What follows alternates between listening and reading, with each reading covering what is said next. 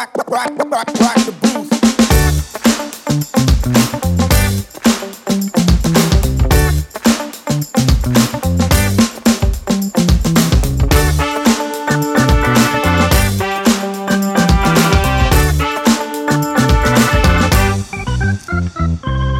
Hai semuanya, kembali lagi bersama aku Ayumi di DDTC Potex, Making Tax Fun for Everyone.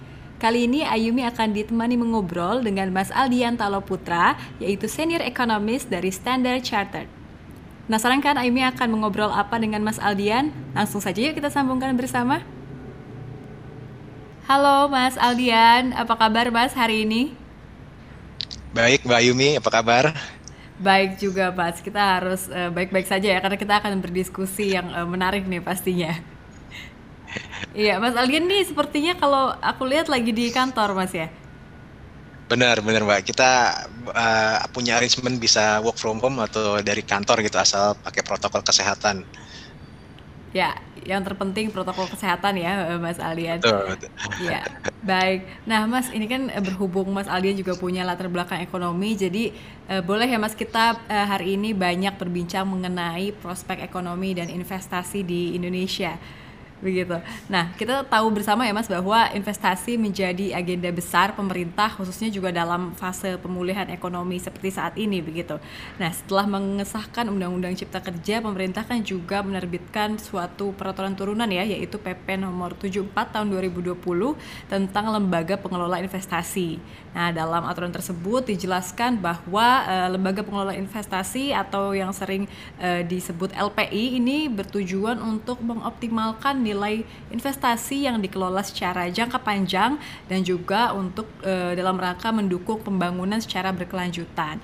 Nah, nanti saya dan Mas Aldian akan banyak berbincang nih ya mengenai prospek UU Cipta Kerja dan juga lembaga pengelola investasi atau eh, skemanya yang disebut eh, Sovereign Wealth Fund atau SWF dalam menciptakan pertumbuhan investasi di Indonesia. Nah, sebelumnya sepertinya menarik nih Mas kalau kita membahas mengenai makroekonomi dulu. Nah, di 2021 ini kan pemerintah menetapkan target pertumbuhan ekonomi Indonesia ini sebesar 5% ya year on year. Menurut eh, pendapat Mas Aldian sendiri sebagai ekonom bagaimana Mas? Apakah dapat dicapai? Hmm. Oke, eh, sebelumnya terima kasih eh, Mbak Yumi eh, atas kesempatannya yang diberikan. Eh, mungkin untuk prospek ekonomi Indonesia eh, kita lihat target pemerintah tumbuh 4,5 sampai 5,5 persen sih sebenarnya masih bisa dicapai. Eh, tapi apabila menurut kami eh, progres vaksin itu bisa dijalankan dengan cepat gitu ya. Jadi kalau mau kasih sedikit Prasyaratnya itu ya? konteks, Betul, betul. Itu kelihatannya yang kalau kita mau ngomong short term, itu yang paling eh, apa katalis yang paling eh, atau yang diha- yang wajib dimiliki supaya kita bisa bisa tumbuh dengan cepat di jangka pendek. Eh, kalau kita lihat angka pertumbuhan ekonomi terakhir gitu yang baru keluar minggu kemarin kuartal 4 itu kelihatannya memang recovery terjadi, tapi recovery-nya masih belum rata gitu. Jadi kalau kita lihat sektor-sektor yang berhubungan dengan eh, ekspor gitu ya dan juga sektor-sektor yang berhubungan dengan pelonggaran kebijakan eh, apa PSBB itu memang eh, cenderung lebih baik tapi secara keseluruhan itu eh, relatif masih eh, soft lah kalau bisa dibilang. Nah, kenapa begitu? Karena kalau kita lihat kelihatannya orang juga masih cukup berhati-hati dalam melakukan spending. Jadi tidak hanya rumah tangga tapi juga uh, perusahaan juga kelihatannya menjaga gitu. Jadi untuk mereka ekspansi uh, barang mo- apa belanja modal itu secara besar-besaran belum dan malah kecenderungannya kalau mereka punya cash mungkin mereka lebih cenderung untuk membayar hutangnya gitu untuk menurunkan bebannya gitu. Jadi kelihatan sekali mereka masih melihat prospek ekonomi Indonesia dari jangka pendek yaitu dari sisi recovery dari pandeminya ini.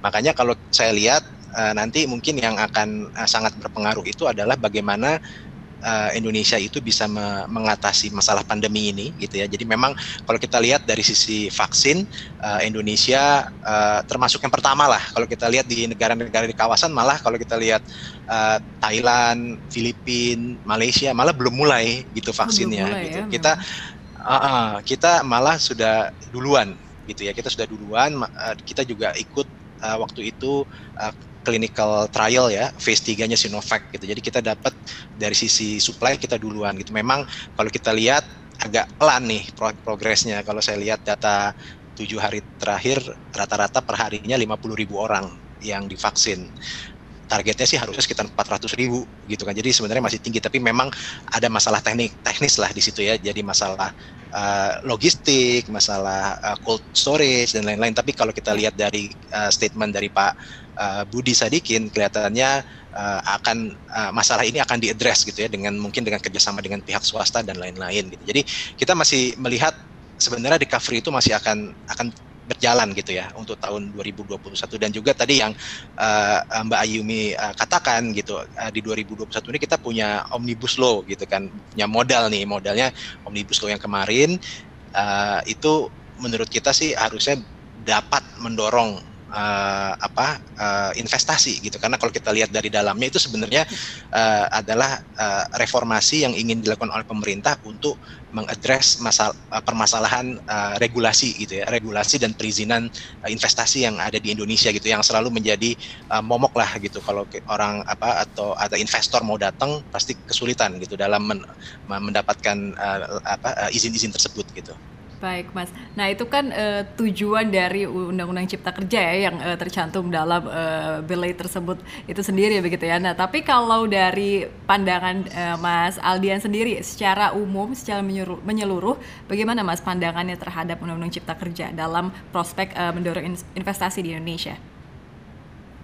Ya, uh, sebenarnya uh, menurut pandangan saya undang-undang uh, ini cukup baik gitu ya. Karena karena apa? Karena kalau kita lihat dari uh, beberapa survei lah, Mbak. Jadi beberapa survei seperti uh, uh, Ease of Doing Businessnya World Bank, uh, Japan Survey uh, of Japanese FDI gitu ya, itu kelihatan yang disebutkan menjadi hambatan berinvestasi di Indonesia gitu ataupun yang rankingnya kita relatif lebih rendah dibandingkan negara di kawasan gitu ya itu berkutat masalah perizinan masalah tenaga kerja yang Uh, rigid gitu ya pasar tenaga kerja yang rigid masalah uh, investment licensing gitu. Jadi kebanyakan adalah masalah uh, ke, ke, ke ketidakpastian hukum dan masalah uh, perizinan yang ber apa bertumpang tindih gitu. Jadi itu yang selalu uh, menjadi apa key highlight lah kalau kita lihat komplain orang terhadap uh, berinvestasi di Indonesia. Dan kalau saya lihat dari undang-undang Cipta Kerja itu kan sebenarnya berusaha mengadres hal tersebut ya. Jadi pertama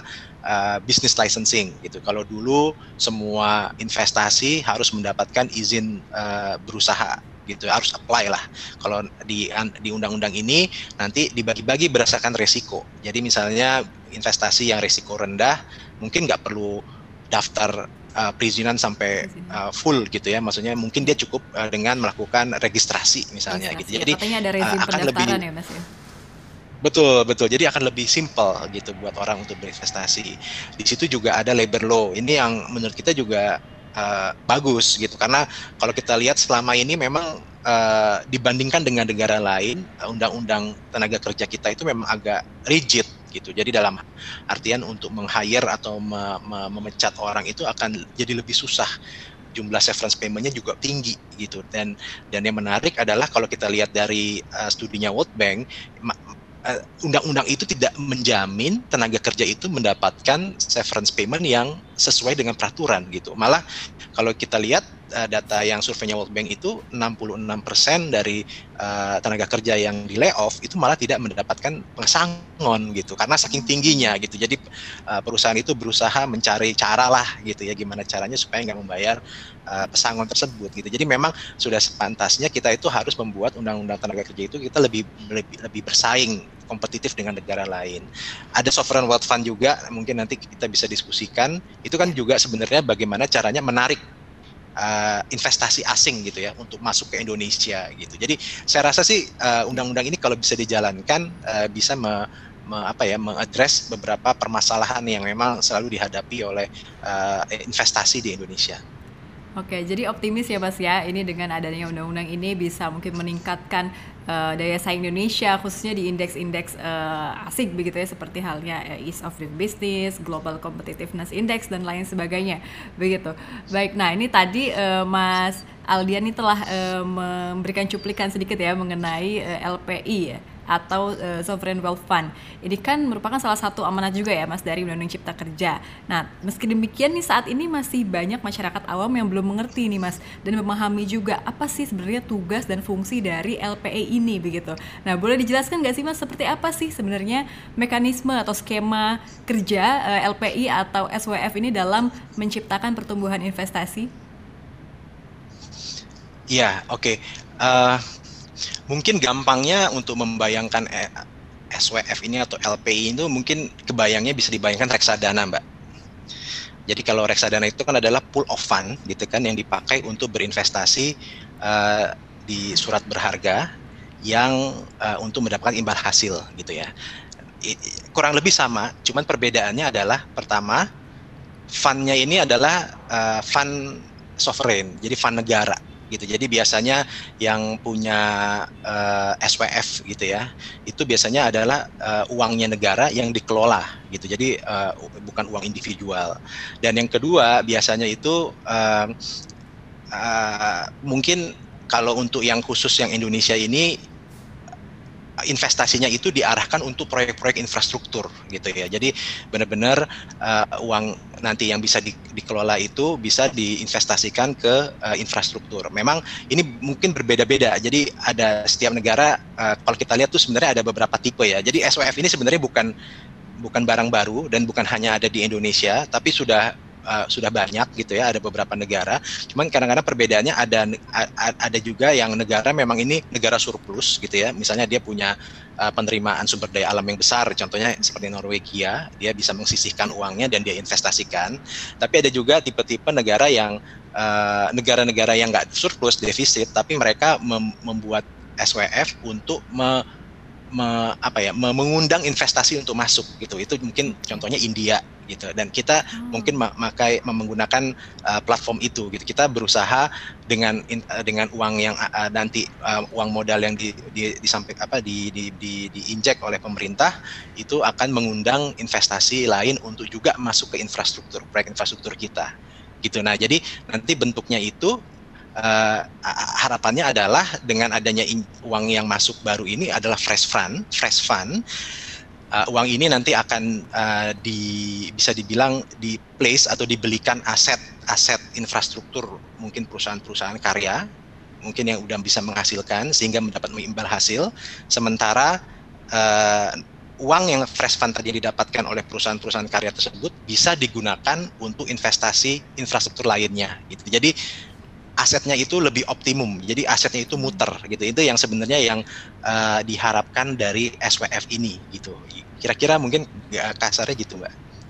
Oke, menarik. Nah, uh, ini Mas, kan ada juga perdebatan gitu ya. Ada yang uh, menyampaikan nanti kalau misalnya uh, pada akhirnya gitu uh, tiba-tiba ada hutang menumpuk gitu ya karena uh, skema uh, SWF ini atau LPI ini bagaimana gitu? Apakah memang benar akan demikian, Mas?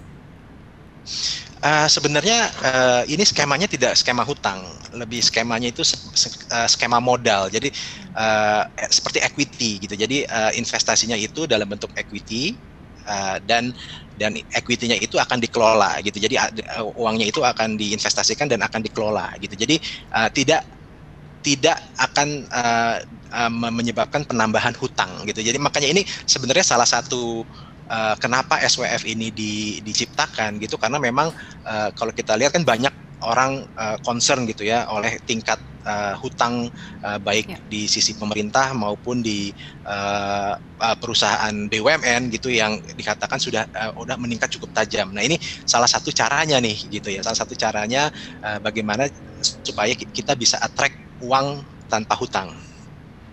Oke, baik Mas. Ini kan e, memang berarti ada e, misinformasi atau informasi asimetris ya yang e, beredar di kalangan masyarakat gitu. Jadi memang ini adalah skemanya skema equity ya atau modal begitu. Nah, tadi e, Mas Aldian juga sempat menyampaikan beberapa e, international practice ya dari yang tadi Norwegia hingga juga India begitu. Nah, dari e, beberapa negara tersebut atau mungkin ada negara lainnya itu ada seperti apa sih Mas international best practice-nya dari skema SWF ini? Ya, uh, kalau saya lihat uh, skemanya kurang lebih hampir sama ya. Jadi uh, biasanya itu akan uh, apa uh, dikelola uh, oleh uh, pihak independen atau uh, yang kredibel lah gitu ya. Jadi yang uh, kalau saya lihat dari apa yang di Singapura, di uh, tadi Norwegia, di di apa di China itu semuanya dikelola oleh uh, lembaga yang independen gitu ya dan itu menurut saya penting gitu karena uh, di sini berusaha kita harus menunjukkan kalau uh, tata kelola yang diterapkan untuk mengelola dana ini sebenarnya sesuai dengan tata kelola yang memang memang yang baik gitu ya. Jadi uh, orang tidak ragu gitu untuk uh, me, me, apa ya berinvestasi di situ gitu. Saya rasa itu sih yang yang paling paling penting adalah uh, tentunya ya uh, uang itu harus uh, diinvestasikan ke aset-aset uh, yang um, maksud saya uh, ke sektor yang memang uh, strategis untuk kita. Karena kan memang tujuan dari SWF ini adalah untuk pembiayaan infrastruktur yang memang kalau kita lihat dari targetnya pemerintah kan cukup besar ya. Jadi jadi kebutuhan pembiayaan itu yang harus jadi uh, menjadi salah satu tujuan apa uh, uh, uh, tujuan dari SWF ini gitu. Jadi itu yang pertama. Jadi memang harus diinvestasikan ke sektor-sektor yang memang strategis dan yang kedua harus dikelola dengan dengan tata kelola yang yang cukup baik gitu ya. Ini yang yang menjadi penting karena uh, untuk memberikan uh, jaminan uh, kepada uh, investor. Ya, menarik Mas. Itu berarti menjadi catatan dari Mas Aldian juga ya. Yang pertama mengenai uh, kelembagaan yang independen dan juga tata kelola yang baik begitu. Nah, selain mungkin uh, eh, SWF atau LPI ini, ada nggak sih Mas kira-kira peluang kebijakan lain nih yang perlu diperhatikan oleh pemerintah dalam uh, rangka menumbuhkan investasi, Mas? Ya, saya rasa uh, yang sudah diterapkan sebenarnya uh, sudah di arah yang benar ya, Mbak. Saya untuk untuk Indonesia saya pikir uh, yang paling penting itu adalah bagaimana kita mereformasi struktur industri kita gitu kan karena selama ini industri kita itu lebih cenderung ke yang uh, bahan mentah gitu ya seperti pertambangan, uh, pertanian dan lain-lain yang mempunyai nilai tambah yang relatif uh, rendah gitu. Nah ini saatnya memang kita uh, berusaha memproses uh, uh, produk kita itu lebih lebih lanjut gitu. Makanya kalau kita lihat uh, sebenarnya uh, kebijakan pemerintah untuk melakukan hilirisasi uh, maksud saya maksud saya uh, processing gitu ya uh, smelter gitu. Dan ini sekarang juga uh, berusaha mengundang uh, investasi untuk membangun uh, pabrik baterai gitu. Itu sebenarnya berusaha kita itu untuk meningkatkan tingkat processing dari produk-produk yang bisa kita uh, apa uh, ciptakan. Dan ini yang uh, menurut menurut saya sih merupakan investasi yang cukup cukup menarik gitu. Karena memang kalau kita lihat dari beberapa uh, produk itu Indonesia sebenarnya memang uh, lebih lebih bisa dibilang uh, mempunyai mempunyai advantage gitu. Karena kita mempunyai sumber daya alam yang uh, uh, tersedia gitu ya. Tersedia sumber daya alam untuk produk-produk tersebut gitu. Jadi saya rasa ke depannya uh, proses uh, processing ini atau industrialisasi ini harus terus dilakukan dan juga uh, uh, reform reform regulasi uh, yang seperti dilakukan di uh, di uh, omnibus law ini harus di, diimplementasikan uh, seluruhnya gitu. Jadi untuk benar-benar memperbaiki iklim investasi di Indonesia, Mbak. Oke. Baik Mas Aldian, menarik sekali. Nah, ini kita kembali lagi di ke Undang-Undang Cipta Kerja nih, karena uh, selain juga uh, mengenai LPI itu kan banyak juga membahas mengenai instrumen investasi lainnya ya. Nah, kabarnya instrumen investasi uh, yang juga ditawarkan oleh Undang-Undang Cipta Kerja ini khususnya mengenai dividen itu juga setidaknya akan sama nih Mas dengan saat uh, tax amnesty ya, yaitu ada 8 instrumen dan bahkan lebih gitu. Nah, apakah ada catatan khusus uh, dari Mas Aldian mengenai hal ini?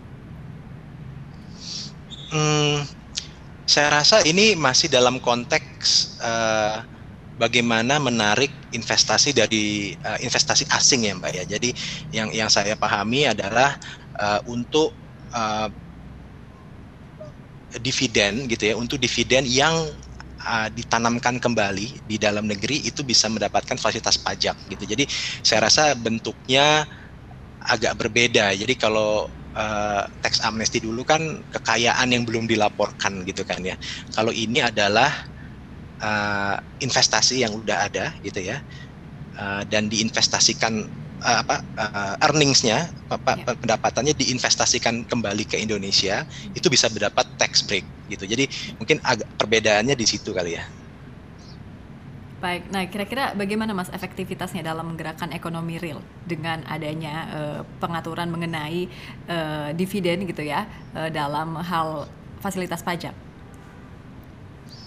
Iya, saya rasa itu akan akan membantu ya, karena kalau kita lihat uh, sebagian besar dari current account kita itu current account defisit kita itu me me memang untuk bayar dividen gitu. Jadi kalau misalnya dividen itu bisa uh, diarahkan untuk kembali diinvestasikan ke Indonesia itu akan menjadi tambahan pembiayaan sebenarnya untuk kita gitu. Jadi saya rasa uh, ini juga juga mendukung gitu uh, sama dengan dengan paket-paket uh, kebijakan yang ada dalam omnibus law ini bagaimana caranya mendorong investasi gitu ya untuk ke uh, masuk ke Indonesia.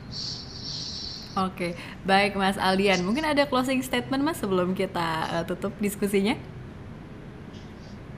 Uh, ya mungkin uh, dari saya uh, kita mungkin uh, tetap harus uh, uh, optimis gitu ya. Uh, kalau kita lihat dari memang ini tantangannya cukup berat uh, dengan adanya uh, pandemi ini, tapi saya rasa uh, kita harusnya bisa mengambil manfaat gitu ya dengan melakukan uh, terobosan-terobosan lah ya dan kalau saya lihat uh, dari beberapa uh, terobosan yang dilakukan Indonesia sebenarnya bisa dibilang lebih lebih advance gitu dari negara lain. Saya bisa uh, bisa bisa contohkan misalnya dalam hal uh, pengadaan vaksin, dalam hal juga mengelola fiskal gitu ya kita bisa compare kita ternyata tidak tidak jelek jelek jelek banget gitu malah kita lebih baik di, dibanding dengan negara-negara IM lainnya gitu jadi saya rasa uh, memang uh, tantangan cukup besar tapi kita tetap harus bisa mencari peluang mungkin itu kali pesan dari saya. Oke, baik Mas Aldian, terima kasih banyak Mas atas waktunya. Ini diskusi yang sangat menarik, pastinya juga menambah uh, banyak pengetahuan dan insight nih uh, di rekan-rekan uh, Potex kalian. Terima kasih banyak Mas Aldian sekali lagi. Uh, semoga dapat bertemu di lain kesempatan ya Mas ya dan selamat beraktivitas ya. kembali Mas Aldian. Terima kasih. Nah, gimana nih teman-teman? Semoga uh, meningkatkan perspektif dan juga pengetahuan kita ya mengenai prospek ekonomi dan juga investasi di Indonesia. Nah, ikuti juga nih kuis episode kali ini pastinya dengan hadiah menarik dengan cara klik link yang berada di deskripsi bawah. Dan untuk mengetahui informasi teraktual dan terupdate seputar perpajakan, kalian juga bisa langsung mengunjungi DDTC News, sosial media DDTC, dan juga salah satu terobosan baru nih dari DDTC yaitu perpajakan.id, sebuah aplikasi pencari dokumen dan pusat pengetahuan perpajakan berbasis web yang sangat mudah diakses. Patuhi terus ya protokol kesehatan seperti halnya rajin cuci tangan, tetap jaga jarak, dan menggunakan masker yang aman.